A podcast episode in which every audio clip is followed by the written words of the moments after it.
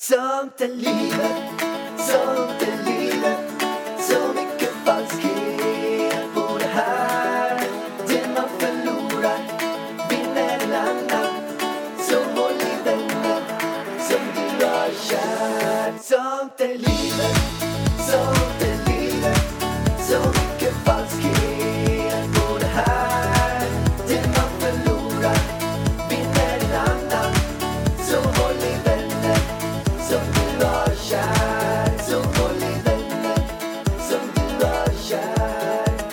Är du med Pallan? Ja, men jag, är- jag har ju varit med hela mitt liv. Men sitter du bekvämt? Ja, men nu sitter jag. Jag tog din kudde som du sover på Men jag med ditt huvud. din och satt med den nu är på min huvudkudde. Jag vet inte om jag känner mig bekväm med det här. Det känns inte bra eller? Nej, sådär faktiskt. Men jag är i alla fall superladdad för det här nya avsnittet av Sånt är livet. Sånt är livet! Så, Woho! så jäkla... Och tack alla som hörde av sig på det senaste avsnittet. Folk skrev ju till mig att det här är det bästa jag hört i hela mitt liv. Och det jag undrar då, vad fan har de hört innan? det var ju extremt bra, men har de inte hört någonting som är bättre? Nej, jag tror inte det. Det var så bra det där avsnittet så att jag, jag vet inte vad. Nej, men jag tyckte också det var. Jag kan säga så här, jag har lyssnat på det utan att överdriva. Nu har det gått fyra dagar efter. Tolv gånger kanske jag har lyssnat på det. Oj, oj, oj. Hur har du hunnit med det här undrar jag. Nej, men jag lyssnar när jag vaknar på natten. Elvis väcker mig. Då sätter jag på senaste av okej, Sånt i okej, livet. okej. Ja, du är vaken typ 12 timmar på natten då, eller? Nej, men jag lyssnar en gång på morgonen. Powerwalk. Ja. Ja, men vad härligt då. Ja, Så bra var det avsnittet. Det här kommer bli lika bra. Det här kommer bli bättre. Vargen. Ja. Vi har ju en ny sponsor. Och jag kan säga som så här. Det här är inte vilken som helst. Jag är otroligt glad för att ingen mindre än SEB! är med i sånt i livet. Alltså hur coolt är inte det? Vi är ju typ samma färger som. Kom, alltså vi är ju Ja, gröna. det har vi. Ja, det har vi. De är gröna, vi jag är bara, vad gröna. har vi för färg tänkte jag. har vi en färg? Ja, men det har vi. Vi är gröna. Vi är gröna som Precis. SCB. Så vi är så glada att det här avsnittet sponsras av SEB. Nej, det är sjukt, eh, sjukt häftigt. De är ju en väldigt entreprenöriell bank. Det kan jag känna är jättehäftigt. Jag har alltid så här, under alla mina år, och det är ett gäng år som jag inte heller varit kund till SEB. Nu är jag kund på SEB, både privat och på alla mina företag. Vilket är skithäftigt. Eh, Men jag har alltid sett så SEB som den här, så här coola, trendiga, ny- Nytänkande. ja, nytänkande banken. Ja. Men vet du vad? Jag har ju haft det så svårt med det här med sparande. Eller jag, har, jag är jättebra på att spara, men jag har ju bara sparat på ett vanligt konto. Och min familj har varit på mig i så många år och tjatat du måste ta tag i ditt sparande. Och nu äntligen. Jag har tagit hjälp av min rådgivare då på SEB och jag har fått så bra hjälp. Så nu har jag liksom fått placeringar i olika fonder. Jag, både på företaget och på min privatekonomi har jag nu, jag är så stolt, jag har börjat spara i olika fonder och portföljer. Fråga mig inte exakt vad det är för någonting. Men jag känner mig väldigt trygg. Jag har känner fått dig vuxen, bästa. känns som. Jag, ja, jag känner mig lite vuxen här nu. Jag känner mig jättestolt. Du gör så att vår framtid blir bättre. Precis, nu växer pengarna här. Fantastiskt. Ja. Och även, även, jag kan bara ta mina gäster i Framgångspodden. En övervägande del av alla mina 220 gäster jag haft är kunder till SEB. Så svinhäftigt. Och idag ska vi ju prata om ekonomi. Det är en av de frågorna som har kommit in, alltså mest som har kommit in på idavarg.idavarg.se. Ja, jag vet. Det är så mycket ekonomifrågor. Så jag tänkte vi, vi kör ett race här idag och betar av våran gemensamma ekonomi, eller vad man nu ska säga. Hur, hur står det till? För det är det som folk både gläds med varandra, att man får dubbelekonomi, men också kaos. Alltså bland de värsta bråken jag har varit med om, de sjukaste sakerna jag har hört, är om just ekonomi. Jag kan dra ett Ja, exempel. dra ett exempel. Nej, men jag har eh, en polare till mig, det är därför jag var så himla, eh, så himla mån om att skriva samboavtal med dig. Alltså, du har ju skrivit samboavtal med mig. Alltså, så fort du har köpt en lägenhet. Samboavtal, sambo... Jag bara, ja, jag skriver väl på det jävla samboavtalet. Första Inte för gången- att jag liksom skulle sno din lägenhet. Du var så paranoid mot mig. Du liksom trodde att jag skulle ta dina ägodelar. Eh, Jag hade en polare som eh, hade två barn med sin tjej. De hade inte skrivit samboavtal. De hade flyttat in i en lägenhet. Han hade puttat in alla sina pengar där inne. Hon ägde ingenting av det. Men genom att de har blivit sambos så är det så. Skriver man inget samboavtal så äger de hälften var i den lägenheten genom att de flyttade in. De bodde i en hyresrätt först.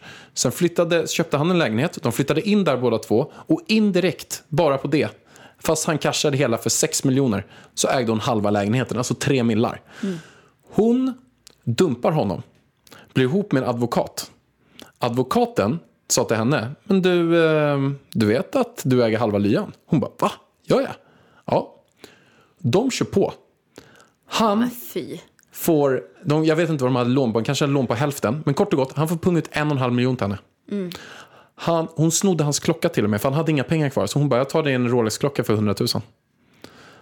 Ja, så, Han blev tvungen alltså, att flytta där någonstans.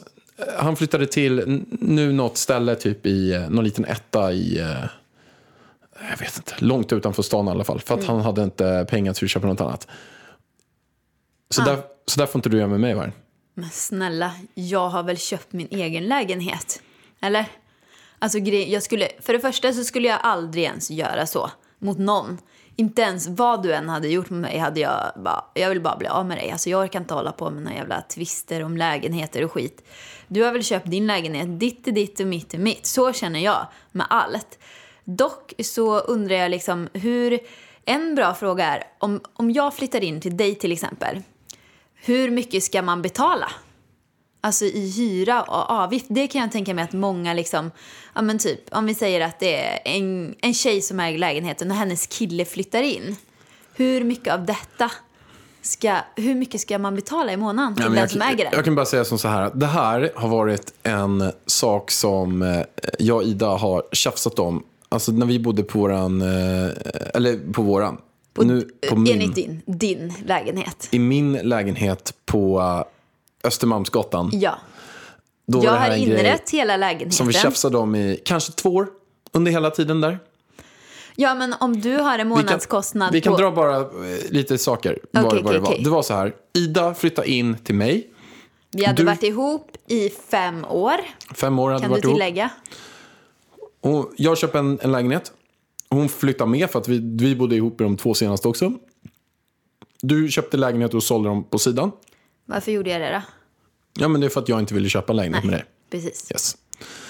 Eh, vi flyttar in i lägenheten på Östermalmsgatan. Som jag också varit med på alla visningar och letat upp en lägenhet. Japp. Vem, vem inredde lägenheten? Bestämde allt? Ja. materialval och sånt? Ja, det, var- det var du. Ja, det var jag. Ja. Ja. Då kommer vi så här, hur mycket ska Ida då betala? Jag hade en avgift på 2000 kronor. Så skulle du då, Ida vill i det här fallet att hon- hon bara, jag betalar halva avgiften, 1000 spänn. Och, och jag bara, men du, om du kollar lite grann så marknadsmässigt, du kan inte riktigt betala 1000 spänn. Vi säger, Jag sa, mina, jag betalar hela avgiften, sa jag. vi säger så här, mina kostnader var 10 000 i månaden ungefär. Med räntor. Runt där, mina räntor kostar 10 Så jag sa till Ida, du får betala 5 000. Och då betalar du typ 5 000. Men du, du var jäkligt sur på det, för du tyckte att du skulle betala typ 1000. Ja, men jag betalar ju av dina... Du liksom sitter och tjänar pengar på, på en lägenhet som jag håller på och betalar på. Jag, jag fick inte ens vara med i lägenheten. Nej. Jag ville ju att vi skulle köpa den tillsammans. Mm, men det fick jag inte. Nej. Och därför var jag sur. Ja, jag vet. Hade det okej om det hade varit så, vi har varit ihop i två månader, vi ska flytta ihop, jag ska flytta in i din lägenhet, vi känner inte varandra riktigt än. Nej men fine, då kan jag väl betala 5 000 men nu liksom vi har varit ihop i fem år, vi ser en framtid tillsammans, du vägrar köpa en lägenhet tillsammans med mig och jag ska betala halva på dina, alltså på dina lån och räntor, det blir ju så. Mitt argument då var ju så här, Tida. Hittar du någon annan lägenhet på Östermalm eller? Nej, men det är Jo, så här, vad är, jo, vad är marknadsmässigt, 5 000. vad är ett marknadsmässigt pris för att du... Ska jag säga en sak? Jag tycker fortfarande att det är vidrigt gjort. Jag hade aldrig gjort så mot dig. Vadå aldrig gjort så? Men jag hade aldrig gjort det. Jo, men om... För att jag sitter och tjänar pengar. Lägenheten stiger och stiger. Du gick ju någon miljon plus på den där. Ja. Ja, precis. Ja, och det har ju jag hjälpt till då och betalat varje månad. Det är ju en investering. Plus att du även tjänar lite hyra då av mig. Ja, men alltså för att vara så här... eh, Jag kommer inte vika mig på den här punkten kan jag ju säga. Men för att vara, om man ska, visst vi är ett par allting. Men om jag hade hyrt ut den här lägenheten till, om jag hade haft en inneboende i lägenheten. Hade jag ju antagligen tagit mer än 5 000 kronor för att bo. Du kan ju inte se din flickvän som en inneboende. Ha? Förresten så tror jag att det var 4 000 du betalade. 4 000 Nej. spänn per månad. Jag betalade 5 000 i början, sen var jag så jävla lack på dig. Så att till slut gick du med på att jag fick gå ner till 4 000. Jag tycker i alla fall inte, och då sa jag så här till dig. Om du köper en lägenhet som är ungefär så här stor, innerstan Östermalm, så betalar jag jättegärna 4 Men 000 så för sa att du ju bara, bo i bara, den. bara för att jag, du visste att jag inte hade råd att göra det. Du Mm. visste att det aldrig skulle hända. Så det är ju väldigt enkelt att sitta och säga så. Ja, där hör ni i alla fall. Ja. Jag och Ida, vi har clinchat väldigt hårt om de här bitarna. Och det är ju det är extremt intressant. Och jag kan bara gå in på också varför jag inte ville köpa med Ida. Nu har ju vi köpt ihop, men på den tiden så ville jag inte det. Och det är för att jag var kort och gott eh, väldigt rädd för att släppa in folk på livet. Och om man ser på hur eh, allt har varit så har det hänt extremt mycket för oss senaste året. Vi har verkligen blivit redo tillsammans för livet, om man säger så. Ja, du har äntligen mognat Pärlan. Nej, det handlar Nej. inte om mognat.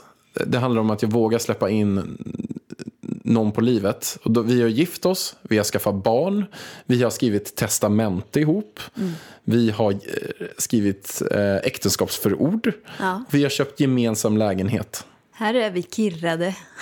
alltså, allt det här på... Sparkonto har vi också satt upp. Ja, det har vi till och med gjort. Eh, Gemensamt konto? Gemensamt konto har vi eh, tillsammans. Så vi har ju fortfarande inte gemensam ekonomi som eh, i folk, folkets öron, liksom, vad de kallar för det. För då är det ju att alla pengar kommer in på ett konto och så har man ett kort och så har man en gemensam ekonomi. Så har min mamma och pappa också. Det har de flesta gifta par. Men det jag- ser ju lite annorlunda ut för dig och mig. Jag tror att det är lite knepigare också att vara egenföretagare. Och det är, det är lite knepigt. Men jag känner ju liksom, jag skulle inte vilja ha ett gemensamt konto med dig. För ditt matkonto är ganska mycket större än mitt matkonto skulle jag säga. Så jag känner att jag skulle typ gå back på att ha gemensam ekonomi så med dig. Men så som det ser ut för oss nu, då har vi ju ett konto med ett kort till. Som jag har kontroll över. Nej, du har inte ens ett kort. Nej. Nej. Så där säger jag typ till Alex, ah, men kan du sätta över 15 000 eller kan du sätta över 5 000? Vi ska betala hyran, vi ska betala den här fakturan, vi ska köpa mat. Så då sätter vi in lika mycket pengar på det här kontot och sen så köper jag allting sånt som, ja, som är gemensamt. Både för dig och mig och för lilla Elvis. Och anledningen varför jag har haft svårt att släppa in någon på livet är ju det för att jag har haft rätt tufft när jag var liten.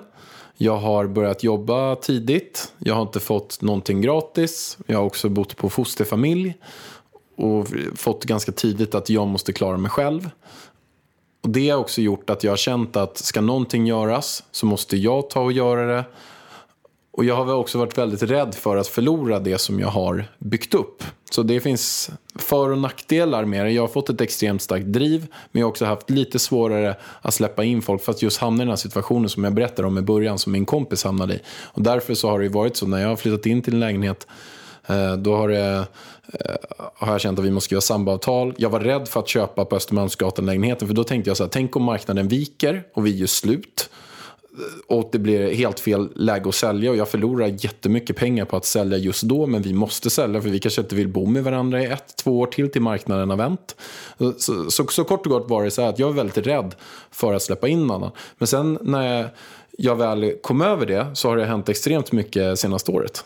Ja, men det är ju först då, alltså du, då försvinner ju alla de här, ja vi litar inte på varandra. Alltså det är ju lite så här, gör man så som vi gjorde på Östermalmsgatan, då är det ju nästan som att man räknar med att det här kommer ta slut. Typ lite så, men det var ju först när vi köpte den här gemensamma lägenheten som jag tycker att ja, men, både du och jag blev liksom lite mer chill med det här med ekonomin. Jag har min del av lägenheten, du har din del av lägenheten. Vi köper alla saker i lägenheten tillsammans. Vi gör allt tillsammans. Det, det, har, liksom, det har blivit mycket bättre i förhållande tycker Ja, jag Mycket bättre. utav det. Så jag kan verkligen rekommendera att köpa tillsammans om man nu funderar på det. Ja, men allting annat löser sig oftast. Man får ju hjälp med det här. Och det är inte så att man, visst, då går man minus lite grann på lägenheten, det gör väl inte så mycket då. Då, då har man ju i alla fall haft en fin tid i en gemensam lägenhet känner jag. Och när vi köpte den här lägenheten som vi köpte för ett och ett halvt år sedan. Så du äger 40% i den och jag äger 60%. Jag har ju fått jobba mig upp här. Du, hur många år tidigare började du eh, i bostadsmarknaden Ja men typ sju eller något kanske. Så jag har ju fått kämpa liksom. Det så går jag är ändå för dig. sjukt stolt att jag eh, ändå kunde ta 40 procent av den här lägenheten. Att, eh, för det krävs ju lite insats och, och allting sånt och få lån och hej och hå liksom. Så att jag har kämpat mig upp och nu är jag här och nästa gång vi köper något så ska det vara 50 procent alltså. Ja, Minst. minst 50%. Och där har vi också fått, får jag säga så här, extremt bra hjälp av våran bankman. Verkligen. Alltså de hjälpte oss jättemycket för att också så här, kunna sy ihop det och var väldigt så här, nytänkande och gjorde det jäkligt, jäkligt bra. Ja men gud, annars hade vi ju aldrig liksom kunnat köpa den här lägenheten som vi sitter i nu. Så superbra. Folk kanske undrar vad vi köpte den för. Är det sånt man avs- avslöjar med sånt? Alltså jag har ju ingen Vad spärr med det här Jo, men med jag kan, pengar. Det spelar väl ingen roll. Jag säger ju bara, ja men den kostar det här. Du brukar ju hindra mig. Ja, men vi kan väl säga vad vi köpte den för. Okej, men gör det då. Jag kommer inte Vi ihåg. köpte den här för eh, 13,4. Har för mig det var? Ja, och sen har vi renoverat för 1,2 Ja, typ. så vi kanske lagt 13, fjor- 14,6 har Ja. vi lagt på den. Och sen Som vi hoppas få tillbaka som vi, vi säljer. hoppas vi får tillbaka det. Det har varit uppe att den har varit värd kanske runt 17 där Alltså, någonstans. Vårt badrum är ju inte gratis alltså. Det stora badrummet. Det var ju det som drog iväg i renoveringen. Vi hade ju inte tänkt att göra renovering i stora badrummet först. Men så blev det en liten extra renovering där. Jag dealade till med den med dig. Ja, det gjorde du. Ja, men vad var det du tänkte säga? Ja, men den har varit uppe på typ 17. Så, så vi bara yes, vi kommer tjäna hur mycket pengar som helst på det här. Sen bara bostadsmarknaden rasar ner och nu Boom. är den typ nere på det vi har köpt den för. Ska jag gissa på ungefär. Säkert. Men vi får väl hoppas att det går upp igen. Men du Vargen, jag tänkte så här att vi ska läsa igenom några av de absolut vanligaste frågorna som vi har fått in och även som våran sponsor nu, SEB, har fått in. De har en kundtjänst där sitter hundratals personer och svarar på frågor hela dagarna. Och det här är en av de vanligaste frågorna. Jag ska flytta ihop med min partner. Hur fördelar vi kostnaderna? Vem ska betala vad? Och då tänkte jag att jag börjar med att läsa svaret på det här. Så som de svarar. Och sen så reflekterar du och jag över det. Tänk på att dela rättvist på hushållsutgifterna. Så att inte den ena parten står för mer exempelvis mat och hushållskostnaderna medan den andra köper bilen och andra kapitalvaror. Tänk så här. Om det blir en separation är maten uppäten men bilen är kvar. Ett gemensamt hushåll behöver inte innebära en gemensam ekonomi. Men eftersom mycket blir gemensamt, till exempel hyra, mat och försäkringar, är det värt att diskutera hur era ekonomiska förutsättningar och prioriteringar ser ut. Vad sparar ni in på och vad är ni villiga att lägga ut lite extra på? Tjänar en av er mer och ska betala större del av avgifterna och utgifterna? Många använder sig av procentregeln. Det innebär att, att ni betalar lika mycket i procent. Om du tjänar 20% mer än din partner borde du alltså betala 20% mer av de gemensamma utgifterna. Jag önskar ju att jag hade läst det här svaret när vi flyttade ihop. Och jag har till och med sagt det här till dig, men du sket i det. Ja, du, du levde liksom, när vi träffades, förlåt nu, nu kommer det bli en slakt av dig här alltså. Kör, kör För att fan. när vi träffades, då tjänade, vad kan du ha tjänat? Kanske 200-300 000 i månaden, eller vad var det? Eller? Var det 200-300 000 i månaden? Ja, någonstans där. Det tjänade du. Vet du vad jag tjänade? 3 000 kronor i månaden. Jag hade studiebidrag som jag vägrade ta. Jag hade 3 000. Förstår du? 3 000. Och i din värld, du fattar inte det här. Så när vi går på ICA, alltså då, då hade jag 3 000 i studiebidrag. Sen jobbade jag lite extra så som danslärare på kvällarna, slet ihop Ja, de du här pengarna. kämpade svinhårt. Och då kanske jag hade totalt sju, ja, 6-7 tusen då i månaden. Mm. Och då ska vi betala varannan gång på ICA, tycker du? Alltså det, och då hade vi precis träffats och jag ville ju liksom inte säga så här, oj jag kan inte betala. Så att vi går in på ICA. I vanliga fall så typ köper jag nudlar och tonfisk och någon brödskiva liksom. Och du bara häver ner. På den tiden åt du massa kvarg alltså. Det är så här, Alltså det var inte två kvarg, det var typ 20 kvarg. Och det här är inte överdrift alltså. Du bara tog din arm och bara tjoff, tjoffade ner all kvarg som fanns kvar. Och det var massa yoghurt där, det var kycklingfiléer, det var liksom... Och jag bara, typ stod där och svettades. Jag bara, oh my god, jag får väl jobba typ 100 timmar extra för jag ska betala den här gången. Han betalade förra gången. Jag ville liksom inte tro, att du skulle tro att jag var värsta snålisen. Men det gjorde ont i min pengapåse. Jag förstår det. Ja, precis. Det var många gånger bara, jag kommer få ringa mamma efter det här och fråga om, om hon kan sponsra mig med en hundralapp så jag kan eh, köpa mat hem imorgon. Typ så. Nej, Vad men- har du att säga till ditt försvar? Nej, men jag kan väl säga så här att inställningen som jag hade då var att jag gärna skulle se ett, ett väldigt jämställt. Du tycker det är jämställt? Jag tänkte så. Jag berättar hur jag tänkte. Jag tänkte att det var jämställt att vi betalar varannan gång. Sen var det väl så att jag tänkte inte på att du hade betydligt mycket mindre. Betydligt. Betydligt mycket mindre, ja. Alltså i vårat fall då skulle det vara så här, du jag skulle ha fått betala rädd 99 för att jag skulle skämma bort dig. Nej men alltså lyssna, jag kände inte dig. Jag var, jag var rädd för att jag, skulle att jag skulle skämma bort dig. Vilket gjorde att du skulle leva på mig. Och det är mycket av erfarenheter, inte mina egna men mycket så här vänners. Där de har eh, börjat betala någonting och sen blir, du, du har säkert en del vänner som är så också. Blir så här otacksamma. Så blir de så här, får de inte det de vill ha? Eller vad då ska jag betala? Och jag, var, och jag kände ändå så här att jag gillade verkligen, verkligen jag såg eh, dig som en eh, nej men, potential framtid att dela med. Och då var det så viktigt för mig också att känna att du inte var någon så här bortskämd Östermalms snorunge. Nej, jag kom ju från Åmål, gick på Balettakademin och hade 3 000 kronor i lön. Eller eh, studiebidrag. Så jag, var jag, såg jag bortskämd ut? Nej, det gjorde du inte, men jag, var Men väl, efter jag visste år då? inte allting. Efter ett halvår, ett år? Men någon gång måste jag väl ha slutat med det där, eller? Nej, vi fortfarande håller vi på så. Köper varannan gång. Ungefär.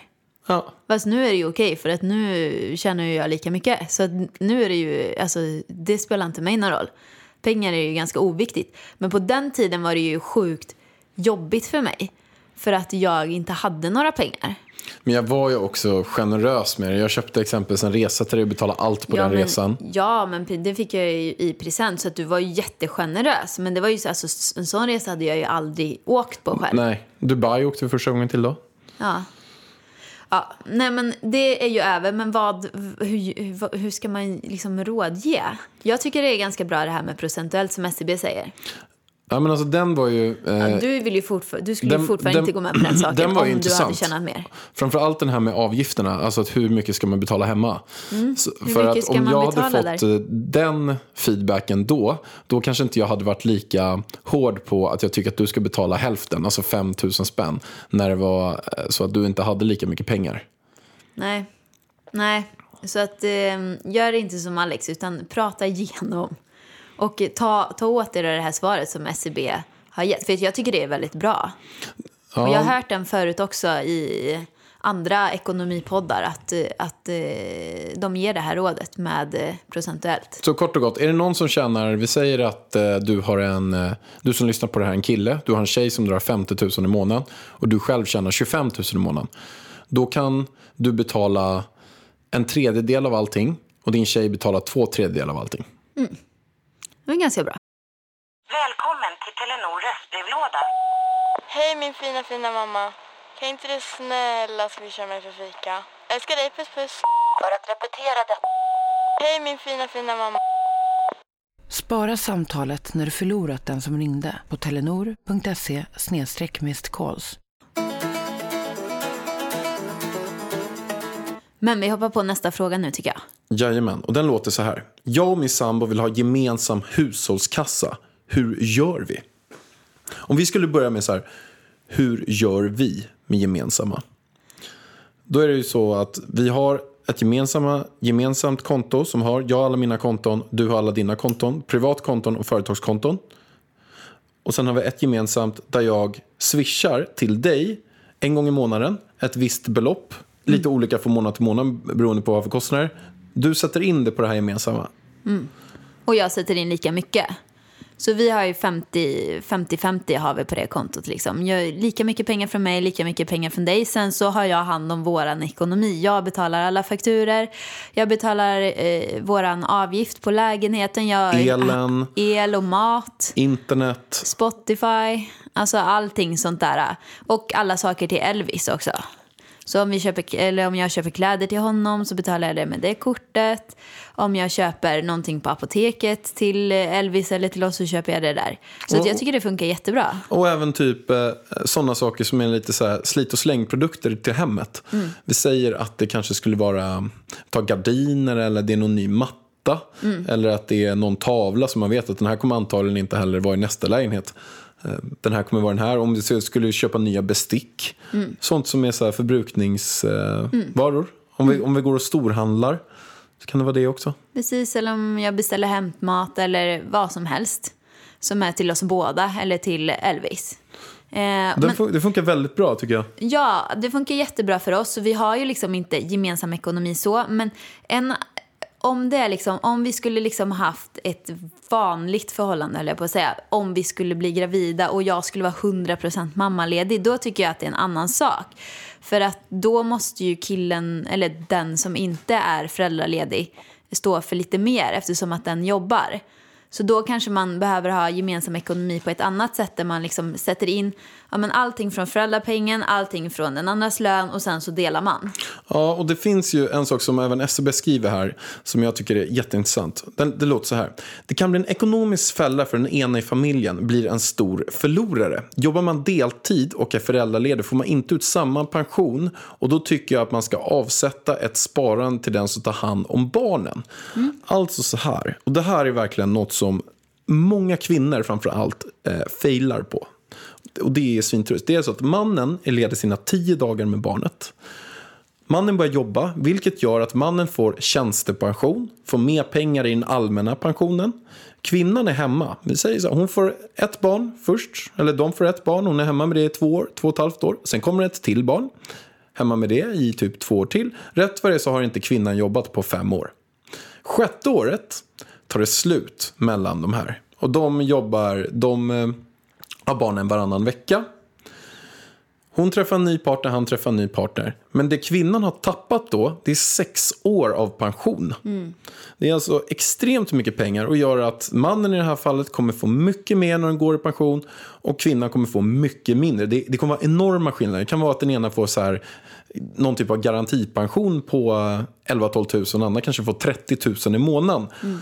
Eh, Och, och det gör att, som de skrev här, att man ska avsätta ett gemensamt sparande för den som är hemma med barnen, som den sparar i pension. Men så då tar man liksom från det gemensamma kontot och sätter över till ett annat konto? Har jag fattat det rätt Precis, då? och tar och sätter in det på ditt konto. Eller kanske framförallt sätter det i någon typ av fond som eh, eh, någon typ av eh, pensionslösning kort och Ja. gott. Spara till din pension. Ja.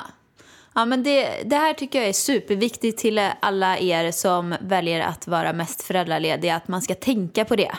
Superbra tips verkligen. Nej, men jättebra. Så att, kort och gott, har, vi säger att ni har totalt helt delad ekonomi. Alla pengarna som killen får in, det kommer in på ett konto. Alla pengarna som kvinnan får in kommer in på ett konto. Men kvinnan är den som är hemma med barnen. Då ska man ta från den här gemensamma och bara sätta in för kvinnans räkning.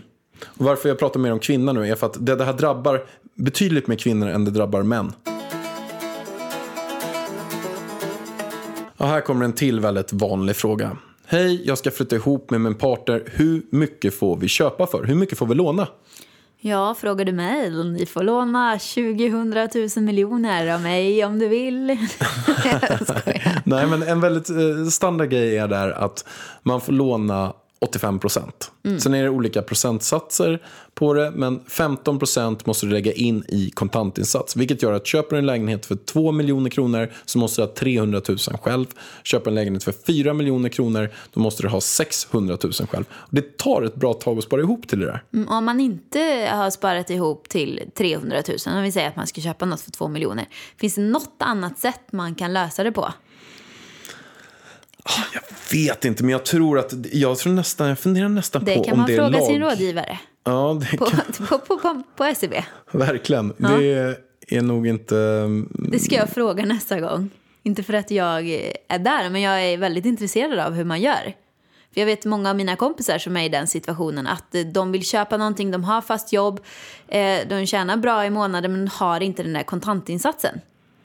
Det tar Kan så man- lång tid. Ja, det tar, de säger att det tar för lång tid för dem så de är liksom inte motiverade. Men tänk bara så här, det säger att man sparar 3 000 spänn i månaden, som är ändå ganska mycket till bara Mm. en sån här. 3 000 spänn i månaden. På ett år har du sparat 36 000. Men Mm. vi säger så här, 40 000 kronor på ett år. På 10 år, då har du sparat 400 000.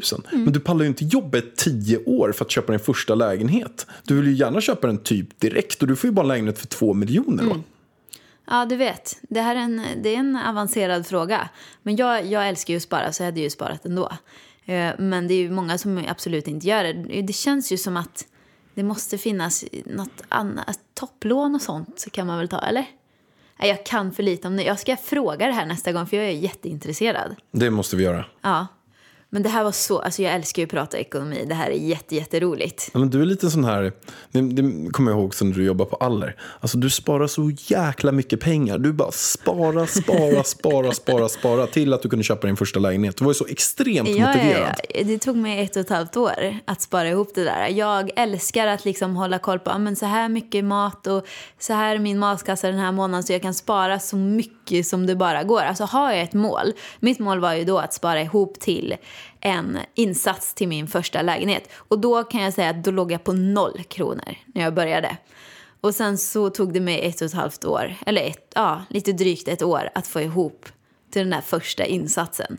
Och det var magiskt. Jag kämpade och slet som ett djur där på jobbet. Och bland det coolaste tycker jag ändå, och du har ju köpt och sålt ett gäng lägenheter. Men jag minns framförallt en som jag tyckte var så himla häftig. Att det var så att du hade fått tillträde till lägenheten, varit där en gång, typ fem minuter, kolla på den, du köpte den. Eh, sen på tillträdesdagen eh, så tog du dit en mäklare och en målare. Vilket gjorde att du målade om hela lägenheten och sen bad du mäklaren fota den och lägga ut den. En och en halv vecka senare var den ute på Hemnet. Tre dagar efter det, alltså två veckor efter du hade fått tillträde, var det folk som kollade på den. Ja. Och då var det någon som ville köpa den. Det blev budningen på en direkt. Och du Och ville köpa innan hemma. visning. Och jag var i Åmål och firade påsk. Och ju, så jag var där och signade på din lägenhet med fullmakt från dig. Och du gjorde kanske så här, kan du ha gjort 300-400 000 på typ eh, två veckor eller något? Ja, men det var bra. Det var en bra affär. Jag bara köp och sälj. Ja men precis. Jag, jag körde den här taktiken liksom när jag köpte och sålde lägenheter. Att jag kollade inte på nya först, jag kollade på äldst först. De som det var budgivning på redan. Så hade det liksom varit budgivning så kunde man bara hoppa in som sista bud och, och så råd sig den där lägenheten. Det var samma sak med den här. Jag orkar inte hålla på och vara med i några budgivningar. När vi köpte den här gjorde du likadant. Då hittade du den här. Ja, ja, den här hittar jag också. Jag är Hemnet-knarkare. jag tycker det är så kul. Och nu har vi flera kompisar. Eh, Min fotograf håller på att kolla lägenhet. Jag är aktiv. Viktor Frisk håller på att kolla lägenhet. Han är och kollar på en nu eh, under tiden vi poddar. Så jag får status efter. Kul. Jag har liksom gjort en analys på lägenheten. Nej, den är värd så här mycket för att det är ingen hiss. Och där är det liksom så. Den här behöver renoveras för ungefär 400 000 och du ska kunna sälja den sen. Ja, du, är, du kan jättemycket om Nej, men lägenheter. jag älskar det där. Det är så kul. Ja, det är min passion. Du kommer bli fastighets... Eh, Mäklare? nej, nej. fastighets... Eh, Proffs. proffs. Rådgivare. Fastighetsrådgivare Ida. Välkommen, ring mig. Jag kan säga vad den är värd, vad du ska buda, hur du ska gå tillväga för att få den till bästa pris. Nej, Men bara kort. Vargen, ja. det här måste vi gå in på. Budgivningen med lägenheter. Vad har du för taktik? Hur budar du? Men jag budar inte. Utan jag avvaktar. Jag säger till mäklaren, jag vill vara med och se alla buden. Sen ser jag när det börjar avta.